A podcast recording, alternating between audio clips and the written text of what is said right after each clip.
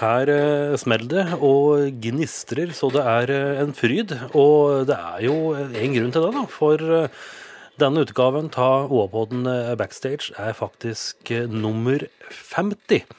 Yes, det er den 50. episoden som vi eh, sender av gårde i dag. Og da har vi jo sjølsagt uh, fått tak i en eh, gjest som eh, virkelig er et eh, fyrverkeri. Vi eh, prater om uh, May-Britt Andersen. Som, eh, ja, for de som har ført med lokal musikk i mange, mange år, så vil jo navn som både Bruno og Havards eh, dukke opp. Det ble eh, popplater på, på 70-tallet, og så har det vært mye soul med, med Skippa Hua litt sånn inniblant. Det har kommet voksenplater, og ikke minst barneplater, som kanskje veldig mange forbinder med May-Britt Andersen. Og ikke minst Vazelina julekalender. Eh, vi får ikke eh, tid, dessverre, til å prate om alt dette her, men eh, noe og mer til skal vi innom. For May-Britt Andersen hun har vært med på litt av hvert. Og det var en utrolig hyggelig og koselig stund vi fikk med, med May-Britt i et da tomt kulturhus på Skreia. Så eh, bli med når eh, vi benker oss ned med sjølveste May-Britt eh, Andersen i eh, OA-podden Backstage episode nummer 50.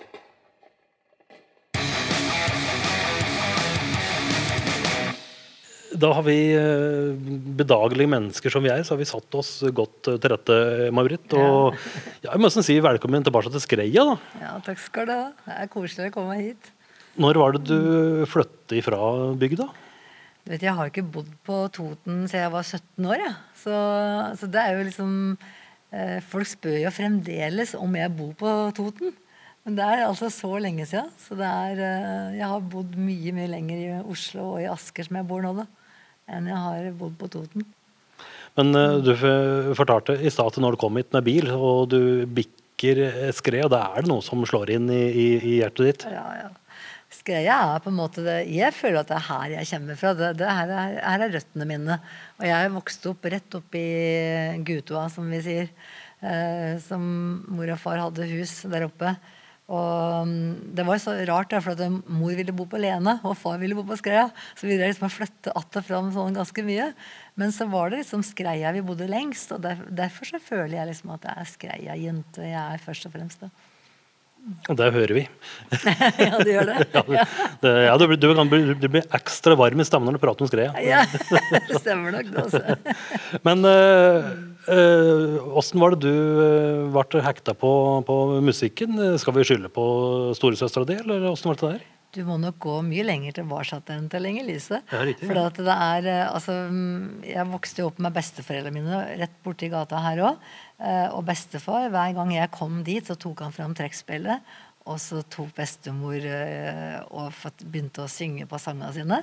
Og det var liksom der jeg egentlig liksom på en måte fikk mest musikk inn i starten. Pluss at far da var musiker og spilte jo veldig mye både hjemme og borte. Og, og ikke minst mor òg. Hun også sang eh, Philadelphia-sangene sine på gitaren og, og spilte på gitaren. mener jeg. Så, så jeg har liksom egentlig fått det inn fra flere hold. Og så, så klart at Inger-Lise ble på en måte et veldig mm, forbilde for meg når jeg var 10 og hun var 17. ikke sant? Og hun gjorde stor suksess. Så klart at det var veldig spennende å følge henne. Men, men som sagt, altså, det var eh, det var liksom, Jeg fikk nok musikken inn med morsmjølka, egentlig. Uh, ja, og du nevnte jo at uh, Inger-Lise Rypdal, da, for noen som har bodd under en stein, ikke fått med seg det. Uh, det skapte jo litt baluba da, med den uh, Fru Johnsen-låta og, og, og slike ting. Var det du husker fra den tida? Nei, altså, For meg så var det bare en utrolig morsom, tøff låt. og Jeg kunne liksom ikke skjønne det rabalderet der. Jeg husker til og med på Kjelstadkaffen på Lena, så bestefar hadde sånn jukeboks der. Og den sangen skulle ikke inn der, for han var jo, han var jo kristen, og han ville ikke ha det tullet der på, på jukeboksen sin. Mens bestemor var liksom litt mer sånn «Å, du syns den var litt fin, da. Så, så, sånn. så, jeg, så jeg vokste opp med besteforeldre på Lena som var veldig kristne. Og så har jeg vokst opp med besteforeldre på Skreia som, som kanskje skulle ønske at de hadde en Gud de kunne tro så mye på, men, eh, men de var liksom ikke sånn sett troende, da. Så, så, så de, de, tok den sangen også veldig til seg og likte den veldig godt. og klassiker eh, har det blitt. Mm. Eh, det er jo mange som, når en begynner å grave litt i historia, som har viet et liv til å stå på scenen som det viser seg privat på en måte er ganske ja, litt sånn beskjedne, litt bluge. Er kanskje ikke de som tar ordet i tide og i utide. I hvert fall kanskje i ungdommen. Er det noe du kjenner igjen i, eller var det en villstyring som gjerne var høgmælt? Jeg var nok ikke noe spesielt høgmælt, nei. Jeg tror ikke jeg var det. Jeg var nok ganske, var nok ganske stille og rolig av meg. Men du kan si at jeg var ikke sånn jeg var ikke sånn dødelig sjenert som også mange artister kan være. Mm. Jeg husker vi hadde en fantastisk lærerinne på Stangeskolen på Skreia som ville åpne hver dag med en sang. Og, og, og det kanskje gjorde at jeg ble veldig sånn frimodig på det å tørre å synge. da. Det syns jeg var veldig, veldig Men sammen med hele klassa, så klart. Men vi var veldig sånn åpne på det. Og jeg var også med i sangkor her på Skreia som ble kalt for Unge røster. Vi, og der, eh, der, husker jeg en gang at vi var tre som hadde altstemme, og så var det to som ble sjuke, og der plutselig så sto Jan aleine og skulle synge altstemme. Og det var liksom litt sånn skummelt, men det var, det var litt morsomt òg. At, Gerd, som er en korlederen, at han turte å satse på meg. Da, at jeg stolte på at jeg skulle klare det. Så jeg, jeg, jeg tror ikke jeg har vært noe sånn plagsom sjenert, men jeg føler vel kanskje egentlig at jeg er litt sånn privat person. Sånn utad, det, det tror jeg nok at jeg er. Jeg har liksom alltid holdt litt tilbake. Jeg har liksom mm. ikke bedt pressen til meg og sånn, hvis du skjønner. ja, nei, for sånn eh, Alle har jo sine synder, at en har bladd i litt eh, Se og Hør opp gjennom året, men mm. lite hjemme hos Marit Andersen med familie. ja. Man blir jo invitert til det. Man får jo penger for det hvis man gidder å stille på det, men, men det har jeg ikke gjort. Der, der, går grensa, liksom, på en måte. Så, så, men jeg har på en måte vært sånn, at når jeg har gitt ut en ny plate eller, eller har en konsert, en premiere på det, så, så er det klart at jeg snakker med pressen når jeg, når jeg, på en måte har noe å fortelle de om. Men jeg har ikke gjort sånne intervju bare for å fortelle om meg sjøl, liksom. Det har jeg ikke gjort. Vi holder oss til, til, det faglige, det er vel det beste, er det ikke det? Og det musikalske, det er vel det mest koselig? Det er det jeg liker best. Eh, men uh, du har jo, hvis man begynner å kikke og grave i May-Britt Andersen-arkivet, der finner du jo veldig mye, mye, rart. Eh, du var jo veldig inne i Skipahua for eh, en, god del år siden, men så virker det som at du, du liksom tok en liten sånn U-sving og forlot eh, liksom popkarusellen, for å bruke det, det uttrykket. Hva var det som skjedde der? Eh, altså, Shipahua har jeg for så vidt holdt med hele tida. Det har vært et sånn hobbyband nærmest mm. for alle som er med. For alle har forskjellige ting de gjør utenom det bandet. Så vi spilte jo på Røverstaden nå i januar, vi altså. Så vi holder jo på sånn innimellom. Men du kan si at jeg lagde to, to soloplater på 70-tallet. Mm. I 1975 og 1978 så kom det ut to plater. Og mm, det var, jo, det var jo for så vidt eh, en nyttig erfaring for meg å, å ha gjort det. Men, eh, men, det var vel egentlig da, etter den siste plata, den toeren, da, at jeg bestemte meg for at jeg har vel egentlig ikke lyst til å drive med dette her. Og så ville jeg da bestem, bestemte meg for at jeg ville bli barnepleier og gjøre noe helt annet, liksom. Og så og så begynte jeg på Ullevål sjukehus og hadde tenkt å ta, ta barnepleierskolen. og sånn, Men så møtte jeg jo Trond Brenne i barnehagen. For der jobba liksom kona hans, og, og hadde, han hadde unga sine der. Og så hadde, hadde Trond hørt disse to platene mine, da. Så han kom en dag med en tekst med et 'Ballongvisa', som du sikkert har hørt om. ja. Og så, mm, og så skrev jeg den om til liksom på en måte min dialekt. da. Og så ble det hver dag var en ballong'. Og så syns jeg den Og så fikk jeg da Geir Holmsen, må jeg kanskje si. Uh, min samarbeidspartner i over 30 år, er det vel nå. Fikk jeg han til å skrive en melodi til den teksten. da. Og så tenkte jeg her har jeg lyst til å gjøre mer av. Og så lagde vi en, min første barneplate, kan du si, i 1985. og da liksom ble det liksom på en måte Da ble det Da kunne jeg endelig gjøre noe som, som jeg Ikke endelig, jeg kan ikke si at de to første platene var liksom greie nok. Men jeg, jeg følte kanskje ikke at hjertet mitt var helt med på det. Så liksom jeg fikk de barnesangene mine, så, så ble det liksom noe som jeg, som jeg, ble veldig glad for å gjøre. Som jeg syntes var noe viktig. Da, da kunne jeg formidle noe som jeg tenkte at det her er fint å si til unger. Og så og det viser at det, at det var helt riktig. For at jeg var på Skreia her nå i 2015, var det vel. Um, da hadde jeg sånn 30-årsjubileum. Og da kom det jo liksom folk fra fire år til opp til 80. Og de hadde liksom fulgt med meg på alle, alle platene mine opp gjennom åra. Så det jo, sier jo litt om at det faktisk var litt viktig det vi gjorde den gangen vi ga ut den plata. Mm. Men jeg vil vel tro at uh, på, på, på 70-tallet, når uh, du ga disse to platene dine, at da regner vel med at det satt noen plateselskapsfolk i Oslo og tenkte at yes, dette blir bra, nå kommer lillesøster til Inger-Lise Rypdal og skal bli popstjerne. Dette må bli knall. Ja, Jo, det var, det var sikkert sånne forventninger rundt det. altså. Det var det helt sikkert. Og det Men det er jo liksom Hva skal jeg si? Ja? Det, det er liksom uh, jeg vet, ikke, jeg vet, ikke, om jeg har noe godt svar til eller Det var ikke noe spørsmål du kom med heller. Men jeg, jeg vet liksom ikke helt hva jeg skal si om denne perioden der. For jeg har, jeg har litt sånn, sånne delte følelser rundt den tida. Det er sånn at det, eh, Du spurte i stad om jeg hadde noen synder. så føler jeg kanskje nesten at de to platene er syndene. men, så jeg, men, så har jeg, på en måte Men så har jeg på en måte også fått høre nå liksom jeg på intervjuer som jeg har gjort eh, i forbindelse med den siste plata jeg kom med, og sånn, at, at det, det svinger meg. Det var innmari fin vår, liksom. Fra 78. Da. Så det, det, er jo, det har jo sikkert betydd noe for noen, det nå. Og mm. det er, eh, så jeg skal ikke liksom skamme meg over dem heller. Men jeg er ikke noe sånn veldig, veldig Det er ikke de jeg liksom løfter fram. Det er den her, den, den syns jeg er fin. Den siste plata? ja.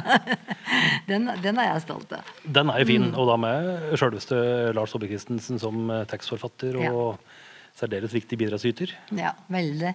Og det, det, er klart at når du, når du, begynner å jobbe med en helt ny tekstforfatter Jeg, jeg jobba jo med Trond Brenne i mange mange år. Uh, og så har det vært litt Prøysen ikke sant, innimellom. Og, så, og, og, da er du liksom litt sånn Ove Røsbakk jeg jobber med, som også er en fantastisk forfatter. Så liksom da har du jobba med, med liksom kanskje noen av de beste vi har. da.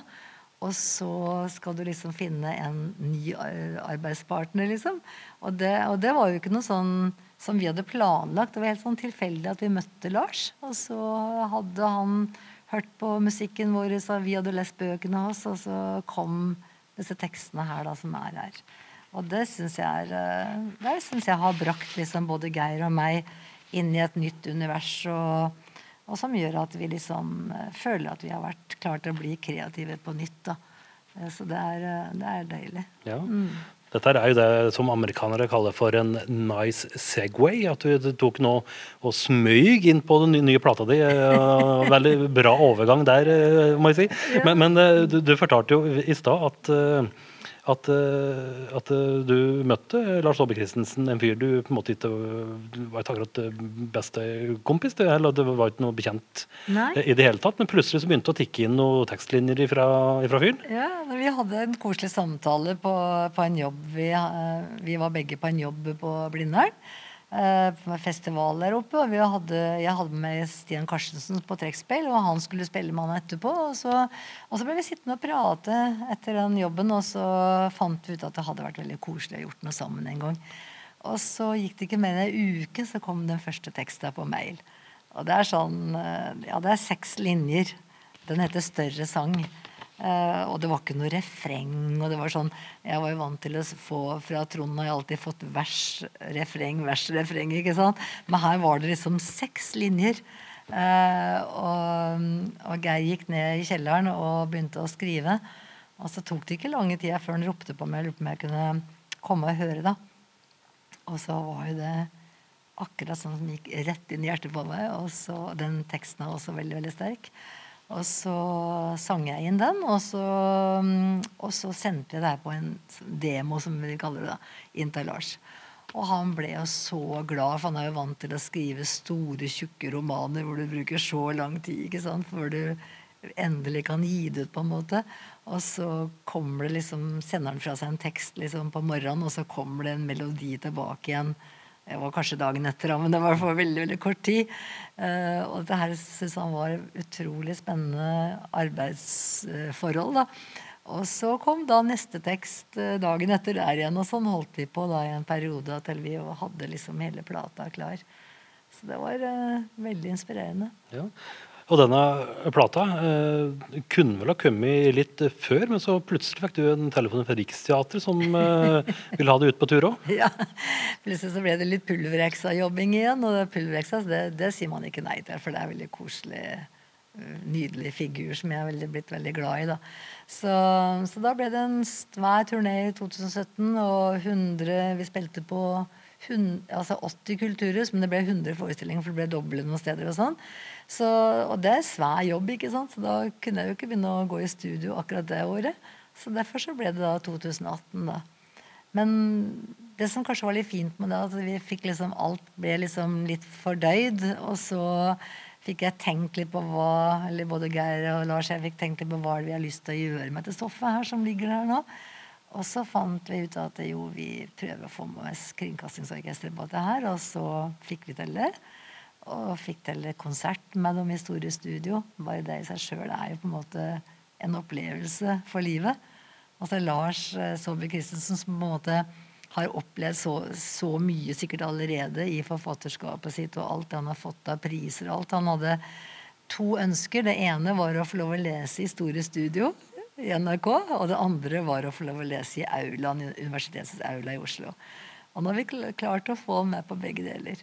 Så det tredje må jo være å få lov å komme hit og Skreia kulturhus og få lov å lese dikt i Skreia kulturhus. Den, den ja. topper ved lista hans, ja, ja, vil jeg tro. Altså. Jeg håper det. og det får han opplevd 12. Eh, oktober. 12. oktober, det er ikke lenge til heller. Nei, fytti. Da er det bare å da... sikre seg billett. Og det er ikke bare Lars og Geir og meg, det er flott ensemble. Jeg har med dattera mi Daniela på 20 år. Hun spiller da som sin eh, bestefar trekkspill. Så det er jo veldig koselig at noen har tatt det videre inn i familien, syns jeg. Um, så Daniela er også med på den plata her. En av solistene på plata sammen med Truls Mørk, blant annet. Um, men vi har ikke med Truls Mørk. Han er på turné med store orkestrene rundt omkring i verden. Vi har med en dame som heter Frida Fredrikke Våle Værvågen. Hun spiller utrolig fint og har vært elev hos Truls. Og så har vi med oss eh, slagverkeren fra Kringkastingsorkesteret. Han heter Christian Lundqvist Krogvold. Eller Krogvold Lundqvist. Det var så mye lange, vanskelige navn hos disse nye musikerne mine.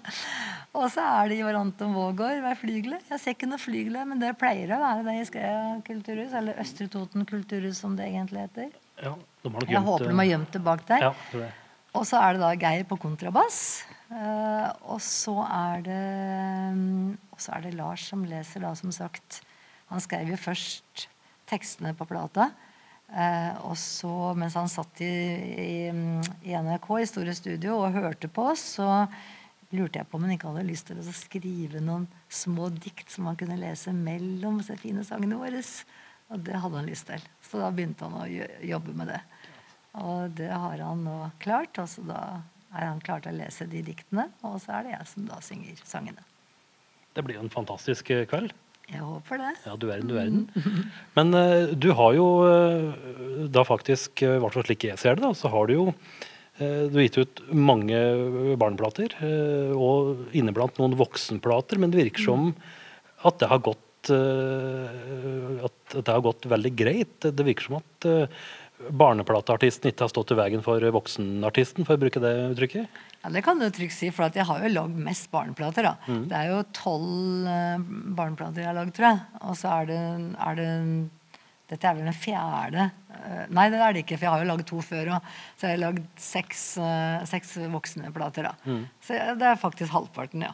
Så, så, det har jo vært mest musikk for unger, men, men det har vært veldig og det har gått lang tid mellom altså, voksenflatene mine. Men det har vært eh, veldig veldig sånn stas å få lov til å gjøre en voksenplate innimellom. For det, liksom, det er så det andre har gjort så mye av. Det har blitt en veldig stor del av meg. liksom, At det her føles litt mer sånn eksotisk på en måte, da, om jeg kan si det sånn. At jeg får lov å gjøre noe som er helt annerledes enn det jeg pleier å gjøre. Og det er jo, det er jo veldig Ja, det, det, det, gjør på en måte at det er litt ekstra morsomt egentlig å komme tilbake igjen og gjøre barnekonserter òg. Jeg var på Minia i mai. Og det var jo kjempemorsomt å synge 'Sure Sivert' og, og, alle de sangene der igjen. Og så kom jeg da liksom eh, på, på liksom Oslo Jazzfestival nå, og så synger jeg liksom 'Et stille sted', som den siste plata vår heter. Så det, jeg, jeg, får liksom gjort litt forskjellige ting, og det, det er jo det jeg syns er veldig fint. Og så er det litt teater med pulvereksa og litt sånn forskjellig. Litt av hvert. Litt av hvert, ja. Jeg er jo 73-modell, eh, så jeg var eh, litt for kul for, uh, for 85-plata di. Ja, det vet du. for da var jeg langt inne i Kiss. Men, men, jeg husker jo når du ga ut Kjærtegn i, i 92. Den spilte jeg nesten i filler. For, for ei plate det var. Og, og, og, det var vel et litt sånn Eh, ja, for da var vel du Du var jo folk av rare, May-Britt. Ja, og var det et litt sånn dristig trekk å, å, gi ut den plata? Jeg følte det var kjempedristig, fordi at, at alle liksom kjente så veldig godt til Prøysen. Alle hadde så sterkt forhold til han. Uh, og ikke minst sangene hans òg. Så det at jeg turte å, å, på en måte bare gi Geir tekstene til Prøysen uten melodien, det var jo ganske frekt, egentlig. Så, så, jeg tenkte gud, hva vil Elin og Else Prøysen si om dere her? Så jeg husker når jeg skulle ta toget opp til Nittedal for for å spille en demo for dem, da, så var jeg ganske spent på hva de syns om ja, 'Mitt hjerte er ditt' og 'Spelldåsen' og Hjalmar og alle de sangene som, som sikkert de hadde veldig sterkt forhold til fra før av og som jeg ikke hadde noe sterkt forhold til. Så, så, det var egentlig gjennom Geirs melodier at jeg ble så glad i de sangene. Men, eh, for jeg hadde liksom vokst opp med Prøysen på barnetime for de minste, og synge Prøysen på skolen og alle de kjente barnesangene hans. Men den der voksenprøysen var jeg ikke så kjent med. Så, så det var egentlig Det var et stort eh, det var et stort sprang, egentlig, å gå fra folka rare og inn i i den verden der, syns jeg. Mm. Det er ikke noe du angrer på, med andre ord? Nei, det er det ikke. Altså, jeg har hatt så mange konserter med, med, med Kjærtegn. Og, og, så ble jeg da på den tida der så Eller jeg hadde jo spilt teater på Norske Teatre, så hadde vi en kabaret, en Prøysen-kabaret. Så det var så, sånn jeg faktisk da oppdaga de Lorax-stubbene til Prøysen. For der var det da Jon Eikemo og Britt Langli som spilte liksom hovedrollene, og jeg var en av de unge Prøysen-jentene liksom, i forestillingen. Og, og de, de, tok jo fram Lordagstubber, så jeg satt jo bak senere scenen og kjente at jeg ble litt sånn Litt snufsinn, for å si det sånn. Og så gikk jeg da på biblioteket og lånte meg Prøysen samlede verker. Og det var da jeg fant alle de fine tekstene, bl.a. eventyr, som jeg ikke hadde sett før. Og ja, flere, altså. Det var så mange, mange fine ting. Både lordagstubber og tekster som gikk så rett i hjertet på meg. Så det er, eh, det er, som jeg pleier å si, at det er liksom Prøysen. Det er, det er min folkemusikk, på en måte. Mm. Mm.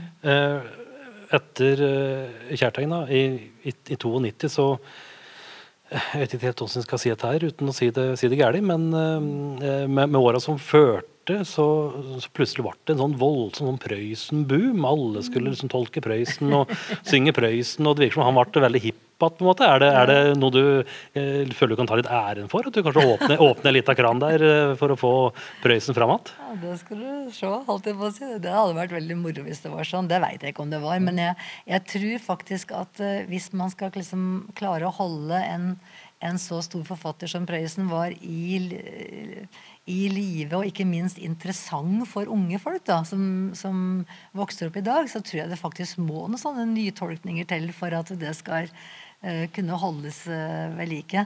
For ellers så tror jeg på en måte at det er fare for at du, at du blir glemt, rett og slett. Ikke at Prøysen blir ikke glemt, men sangene hans kan bli litt glemt hvis ikke noen synger dem på, på sin måte.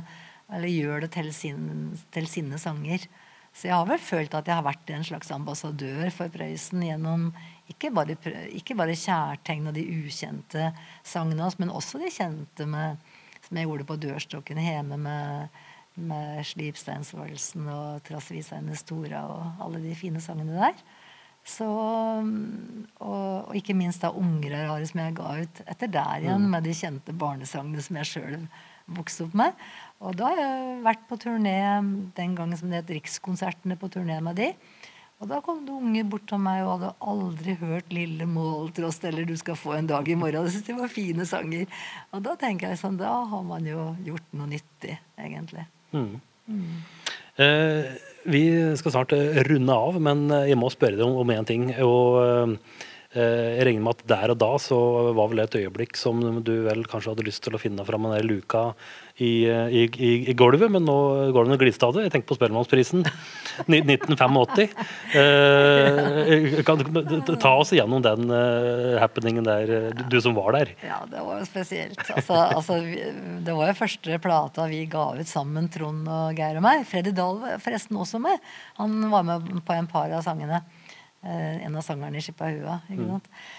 Så satt vi liksom der og var nominert. Bare det i seg sjøl er jo veldig fint. da. Det er jo mange plater som blir gitt ut hvert år, så det, man skal alltid være takknemlig for at man blir nominert òg. Men um, eh, Og vi hadde ikke noe drøm om å vinne, for det var som sagt første plata vi ga ut sammen. Så vi var egentlig bare kjempefornøyd med at vi satt der liksom i salen. Og så, mm, og så, kommer da Brødrene Dal opp. De var jo veldig populære på TV den tida. Hadde sett masse på de og ledd mye av de. Så, og det hadde jo alle andre i salen gjort òg. Så de kom da inn som, mm, som prisutdelere, og så sier han en av de at uh, ja uh, Vinneren av uh, av beste, årets beste barneplate er May-Britt Andersen. Og, jeg, og, Trond og Geir og jeg vil, vil bare hopper opp av sola ikke sant? og løper opp og er så, så, så, så, glad som du bare kan bli for en sånn litt uventa pris. da. Og så, og så kommer vi opp, da, og så, og så ser han Trond Kirkevåg på meg så sier han, det er feil, May-Britt. sier han feil, sier jeg liksom også. også litt sånn Spike Jones-melodi. så jeg liksom tenkte at det går ikke an å gjøre feil her. Så, men så ser jeg på øya hans, og så ser han så lei seg ut. Og så tenker jeg at han, han mener det. Det er feil. De har lest opp feil. Og så måtte vi bare gå og sette oss igjen. Og vi merka liksom sånn, Det var ganske godt og varmt i den salen. Men akkurat som det ble kaldere. Hvis det var sånn, alle, alle, bare så, alle så like lei seg som det han hadde gjort ikke sant, på scenen.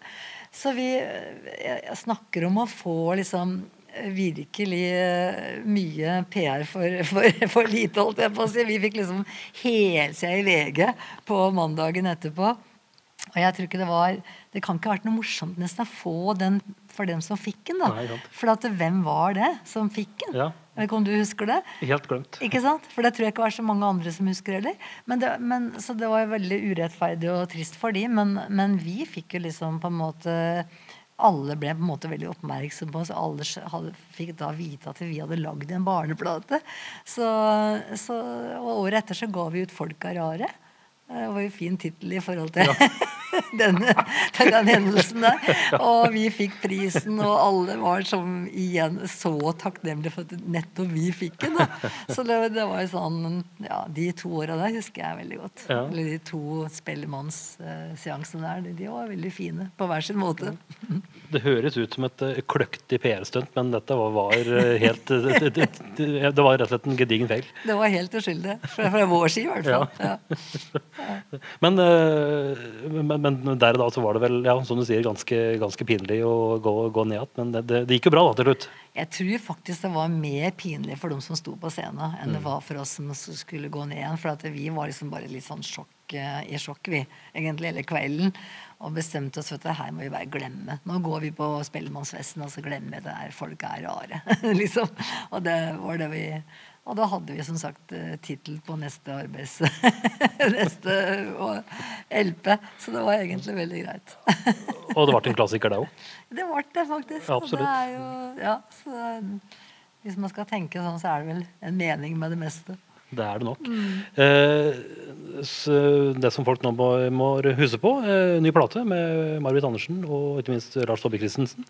Den ser slik ut for noen som ser på, på fjernsyn. Eh, hvis du ikke gjør det, så er det bare å eh, løpe til nærmeste netthandel og kjøpe eh, plata. Platekompaniet har i hvert fall plata. Ja, Ja, eller du kan bestille den på, på der også, ikke sant. Vet, det er jo ikke så mange platekompanibutikker igjen, da. de blir borte, men Ja. vi har internett, heldigvis. Ja, og, heldigvis. og så fins den jo da selvsagt på Daily Vinyl. Det gjør den. Var det du som fikk trumf det? Eh, Jeg hadde et ønske til Grappa, til Helge Vestby Grappa. For jeg, hadde, jeg har jo gitt ut ganske mange CD-er nå, ikke sant. Så, så, og jeg starta jo med LP så i 1975, så jeg tenkte at det hadde vært veldig morsomt. For jeg, jeg må vel innrømme at jeg som tenkte litt når jeg var ferdig med denne plata, at det her er kanskje den siste plata jeg gir ut for alt det jeg veit. Så um, da var det litt morsomt å få den derre sirkel endt, da. Så, så der så tenkte jeg at det hadde vært morsomt å få gitt ut en LP igjen. Og så spurte jeg Helge, da. Så ja, ja, ja, jo, kanskje den var ute og sånn. Når han hørte resultatet, så var han enig. Da fikk jeg lov å gi ut LP. Ja, du, du sier at det kanskje er siste plata, men eh, så vidt jeg vet, så har du vel litt eh, stengt eh, e-postkontoen din. Plutselig så får du en ny melding fra forfatteren, og da er det på'n igjen, da. Altså, både Geir og jeg, vi er veldig glad for å jobbe med Lars. Og Lars han eh, har vært, eh, som sikkert alle har lest i aviser eh, i forbindelse med siste utgivelsen hans, boka hans, at han har vært veldig sjuk. Um, men det ser jo ut som det går bra foreløpig, i hvert fall. Og så lenge han skriver, så må jeg si at det føles litt rart å lukke igjen døra. Jeg må nok ha han litt på gløtt og se om det kommer noen flere fine ting fra han. Ja. Det kan tenkes. Eh, tusen hjertelig takk for, eh, for praten. Eh, Dette er faktisk eh, min pod backstage nummer 50, så det var et rundt tall. Så det var jo fantastisk koselig å ha sjølveste Marit Andersen som gjest. da, Og her sitter vi jo i en tom eh, sal. Det er kanskje ikke noe som er eh, noe som eh, du er vant til, men for oss andre så er, det, er vi vant til tom, tomme saler. Åssen føles det å sitte i en tom teatersal? Er det? Jeg må jo først gratulere deg med 50 Takk. eh, podkaster, og det er, det er morsomt. Takk uh, det. Og det er veldig morsomt å prate med deg òg, ikke minst. Men, men det er klart at når jeg kommer tilbake her på, på lørdag 12. oktober, da håper jeg selvfølgelig at det er fullt hus, da. Jeg håper jo på det. Det er jo hva, annet skal jeg kunne håpe på? Men eh, det veit man jo aldri. Og det er klart at eh, dette, jeg, jeg sier at det her er en forestilling for voksne. Fordi er, Lars eh, Saabye er en voksen mann, og han skriver ut fra det livet han lever. Og det er liksom det er liksom, handler om oss eh, godt voksne, kan du si. Men det er mye ja, det er mye trøst og mye håp og det er mye kjærlighet i tekstene. Han kaller de sjøl for de varme sangene. Så, så jeg tror, det er ikke noe skadelig for unger. Det, det er ikke sånn, Jeg skal ikke skremme unga bort med det. Men det er eh, dikt av hans som han leser imellom. Og det er nok eh, Jeg vil tro at det passer best for voksne denne gangen her. Mm.